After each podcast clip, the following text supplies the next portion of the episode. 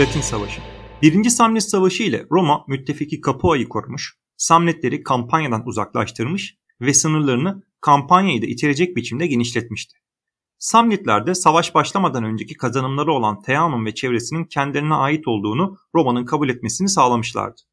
İki taraf da şimdilik sonuçtan memnuniyetsiz değildi. Roma daha önce savaştığı düşmanlarına göre daha organize ve daha kalabalık bir halk olan Samnitlerle savaşmaya devam etmeye çok istekli değildi. Ve zaten Latin müttefiklerinin huzursuzluğuna dair haberler Roma'nın büyük çaplı bir askeri harekata girmesini tehlikeli bir macera haline getiriyordu. Geçtiğimiz bölümün sonunda değindiğimiz Latinlerin Samnitlere saldırılarının Roma tarafından durdurulmaması yahut Latinlerin bakış açısı doğru ise durdurulamaması Latinlerde 150 yıl önce Roma-Latin ilişkilerini düzenleyen Hoidis Cassianum anlaşmasını kendi lehlerine revize etmeye isteği uyandırmıştı. Latinlerin bir revizyonu zorlama gücüne sahip olmasından bağımsız olarak kendisi de bir Latin şehri olan Roma'nın böyle bir saldırı ile karşı karşıya olması Roma adına büyük bir tehlikeydi. Roma, egemenlik alanının merkezinde aradan geçen 150 yılda örgütlenme, eğitim, taktik, strateji ve akla girebilecek her türlü özellik bakımından kendisine tıpatıp benzemiş bir ordu ile savaşmak zorunda kalacaktı. Komutanlar dahi birbirlerini şahsen tanıyorlar, birbirlerinin komuta tarzını biliyorlardı. Birbirlerine tıpatıp benzeyen iki balyoz birbirine diğerini çatlatana kadar vuracaktı. Latinler sadece Samnitlere yaptıkları saldırılarını durduramaması nedeniyle değil, aynı zamanda bunun son şansları olduğunu da düşündükleri için Roma'ya saldırmak istiyorlardı. Zira Capua'nın da Roma egemenliğine girmesi aynen Capualı elçilerin Samnitlere karşı Roma'dan yardım isterken öne sürdükleri gibi Latinleri bir kıskaç içine sokmuştu. Foedus Cassianum ile zahiri bir eşitlikten öte gidemeyen Roma ve Latinler arasındaki eşitsizlik giderek artıyor, Roma eşitler arasındaki birinci konumundan çıkıp giderek daha dominant bir rolü üzerine alabilecek gücü kendinde buluyordu. 150 yıldır gidiş bu yöndeydi ve Latinler için bu sürecin geri döndürülemez olacağı kritik ışık aşılmak üzereydi. Latinler Samnis Savaşı'nın nedeniyle lejyonlarının zayıfladığını düşündükleri Roma'ya, Roma yaralarını sarıp kazançlarını konsolide edip daha da kuvvetli hale gelmeden saldırmaya karar verdi. Esasen haklılardı da. Zira Roma, daha doğrusu Patriciler, Samnis Savaşı sonrasında rakipleri Pleplere karşı bazı geri adımlar atmak zorunda kalmışlardı. Belli ki kendilerini rakiplerine karşı direnecek kuvvette görmüyorlardı. Geçen bölümde bahsettiğim lejyonların isyanından sonra ki bu isyan Pleplerin 3. grevi olarak da anılır, hem tüm isyan eden lejyonlar affedilmişti hem borca bileşik faiz işletme uygulaması yasaklanmış hem de bir sene sonra M.Ö. 342'de ünlü Lex Licinia Sextia yasasındaki konsüllerin birinin pleb olacağı yönündeki yasa Lex Genusia yasası ile konsüllerin birinin mutlaka pleb olması gerektiği şeklinde değiştirilmişti. Bu yasa değişikliği ile birlikte konsüllere ayrıca bir kısıtlama getirilmiş, bir kişi konsüllük süresi sona erdikten sonra 10 sene boyunca bir daha bu makama aday olması yasaklanmıştı. Peki size soruyorum burada.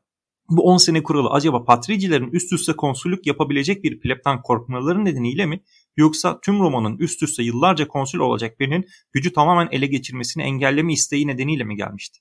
Yani belki aklı selim plebler de artık tüm yurttaşlara açılmış bulunan makamın eskisi kadar steril kalmayacağından çekinmişti. Bu soru burada kalsın. Biz Latinlerle devam edelim. Latinler ellerine son kez geçtiğini düşündükleri fırsatı kullanmaya kararlıydılar. Latin Ligi olarak anılan ve M.Ö. 7. yüzyıldan beri Latinleri temsil eden konfederasyon, Latin taleplerini iletmek üzere Roma Senatosu'na bir elçi heyeti gönderdi. Latin talepleri iki önemli başlıkta toplanıyordu. Birinci talepleri tam yurttaşlıktı. Latinler daha önceki bölümlerde ara ara değindiğimiz üzere çeşitli yurttaşlık haklarından yararlanıyorlardı. Özellikle 150 yıl önceki savaşta Roma'ya isyan etmeyen Latin kasabalarının halkları geniş yurttaşlık haklarına sahipken isyan etmiş olanların hakları bu derecede değildi. Aradan geçen zamanda bu haklar genel olarak da herkes için genişleme eğilimi göstermişti. Fakat bu sefer Latinler tüm Latinler için Roma yurttaşlığı istiyorlardı. Bu talep belki üzerinde müzakere edilip bir anlaşmaya varılabilir bir talepti. Fakat ikinci talep Latinlerle müzakereyi Romalılar için imkansız hale getirmişti. Latinler her sene seçilen konsüllerden birinin Latin olmasını, senatonun da yarısının Latinlerden oluşturulmasını talep ediyorlardı. Her zaman için kabulü zor olan bir talebi kabul imkansız bir zamanda ileri sürmüştü Latinler. Durumu oldukça yanlış okumuşlardı. Evet belki Roma müzakere masasına çekilebilecek durumdaydı. Zira hem lejyonları zayıflamış hem de içeride pleplere konsüllüğü garanti eden yeni politik düzen nedeniyle henüz istikrarı tam sağlayamamıştı. Fakat bir konsüllüğü yeni kaybeden patricilere ve yüzyıllardır peşinde mücadeleler verdikleri konsüllüğü yeni elde eden pleplere bu konuda bir taleple gitmek ya biraz naifçeydi ya da Latin Ligi aslında bir anlaşma yerine bir savaş arıyordu. Elbette patriciler ellerinde kalan konsüllüğü plebler de yeni elde ettikleri konsüllüğü var güçleriyle koruyacaklardı. Latinler tek bir taleple patrici ve plebleri birleştirmişti. Öte yandan o ana kadar bir şehir devleti olarak gelen Roma'nın bölgesel bir devlet manasında yeni bir kuruluş, yeni bir devlet önerisiydi. Latinler Roma'ya ortak olmak ya da başka bir açıdan bakarsak ortak bir Latin devletinin Romalıları ile eşit yurttaşları olmak istiyorlardı. Köklerini tanrılara dayandıran köklü patrici aileler için de Roma yurttaşı olmanın sağladığı avantajları başkalarıyla paylaşmak istemeyen plebler için de muhtemelen akıl bir ücretkarlıktı bu. Senato Latin elçilerine çok kısa bir yanıt verdi. Olmaz dedi. Latin elçilere 150 yıl önceki savaşı da hatırlattılar ve onları Roma'dan kovdular. Senato bu gerginliğin ne anlama geldiğinin farkındaydı ve Latinlere savaş ilanına karar verildi. Sene M.Ö. 340'tı. Savaş 2 sene sürecekti. Latinlerin talepleri 200 senedir süren ve plebler lehine çözülmeye başlayan bir sorunu Roma sınırları içinden tüm Latium'a teşmil ettirecek nitelikteydi. Patrici ve plebler ne için mücadele etmişse şimdi de benzerleri için Patrici pleb ittifakına karşı Latinler mücadele edecekti. Roma'nın bir 200 yıl daha bu mücadeleye katlanmasına imkan yoktu ve Latinler de surların dışındaydı. Patrici ve pleblerin arasındaki gibi iç içe geçmişlik de yoktu Romalılarla Latinler arasında. Her şey Romalılara bu sorunu silahla çözebileceklerini fısıldıyordu. Öyle de oldu. Latin Savaşı'nın başladığı M.Ö. 340'ta konsüller Titus Manius Imperius Torquatus ve geçtiğimiz bölümden 1. Samnit Savaşı kahramanımız Publius Decius Mus idi. Publius Decius'tan bir miktar geçen bölüm bahsettik. Nasıl cüretkar ve cevval biri olduğunu iyi biliyoruz. Diğer konsül Titus Manius Imperius Torquatus da konuya bir es verilip kısaca değinilmeyi hak eden bir Romalı. Yıllar sonra yaşayacak olan Romalılar için kendisi Cincinnatus, Camillus, Valerius Corvus seviyesinde bir kahraman. Kendisinden kuşaklar sonra dahi örnek alınan eski Roma erdem ve ahlakını örnek gösterilen figürlerden biri. Lakabı yani kognomeni Torquatus ise Valerius Corvus gibi bir Galyalı ile dövüşü sonucunda almış.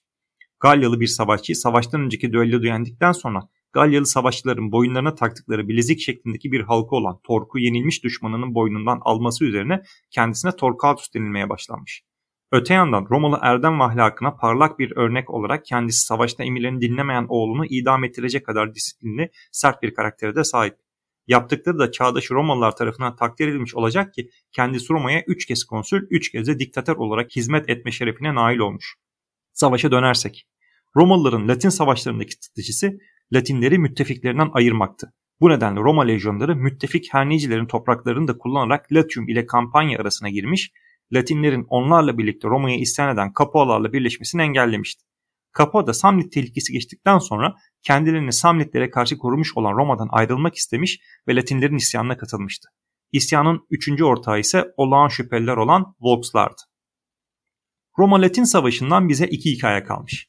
Hikayelerden ilkine göre her iki konsülle lejyonları ile birlikte Latinleri karşılamak üzere kamptalardı.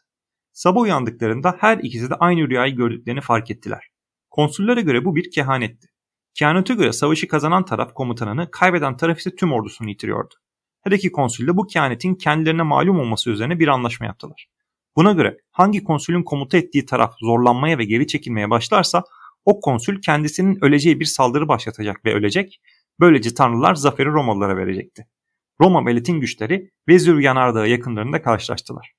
Roma ordusunda Publius Decius sol kanadı, Manlius Torquatus ise sağ kanadı komuta ediyordu. Savaş iki denk gücün mücadelesi olarak dengeli bir şekilde devam ederken yoğun Latin saldırıları nedeniyle Decius komutasındaki Roma sol kanadı bozulma belirtileri göstermeye başlamıştı. Decius kehanete göre davranması gerektiğini düşündü, törensel kıyafetlerini kuşandı ve atın ile dört nala Latinlerin üzerine atıldı. Latinlerin ok yağmuru altında kalmadan önce çok sayıda düşmanı da öldürmeyi başardı. Fakat nihayetinde hedef olduğu oklar nedeniyle hayatını kaybetti. Savaş alanının diğer tarafında bu olayı haber alan Manius Torquatus kendisine görünen kehanete göre zaferin avuçlarında olduğunu biliyordu. İhtiyat olarak tuttuğu Triari kuvvetleriyle Latinlere saldırdı ve onları dağıttı. Zafer Romalılarında. Bu zaferden sonra Romalılar Latin Ligi'ne karşı 3 zafer daha elde ettiler ve Latinleri barış istemeye zorlayan nihai zafer Trifanum Savaşı'nda geldi. Diğer hikaye ise Manius Torquatus ile ilgili.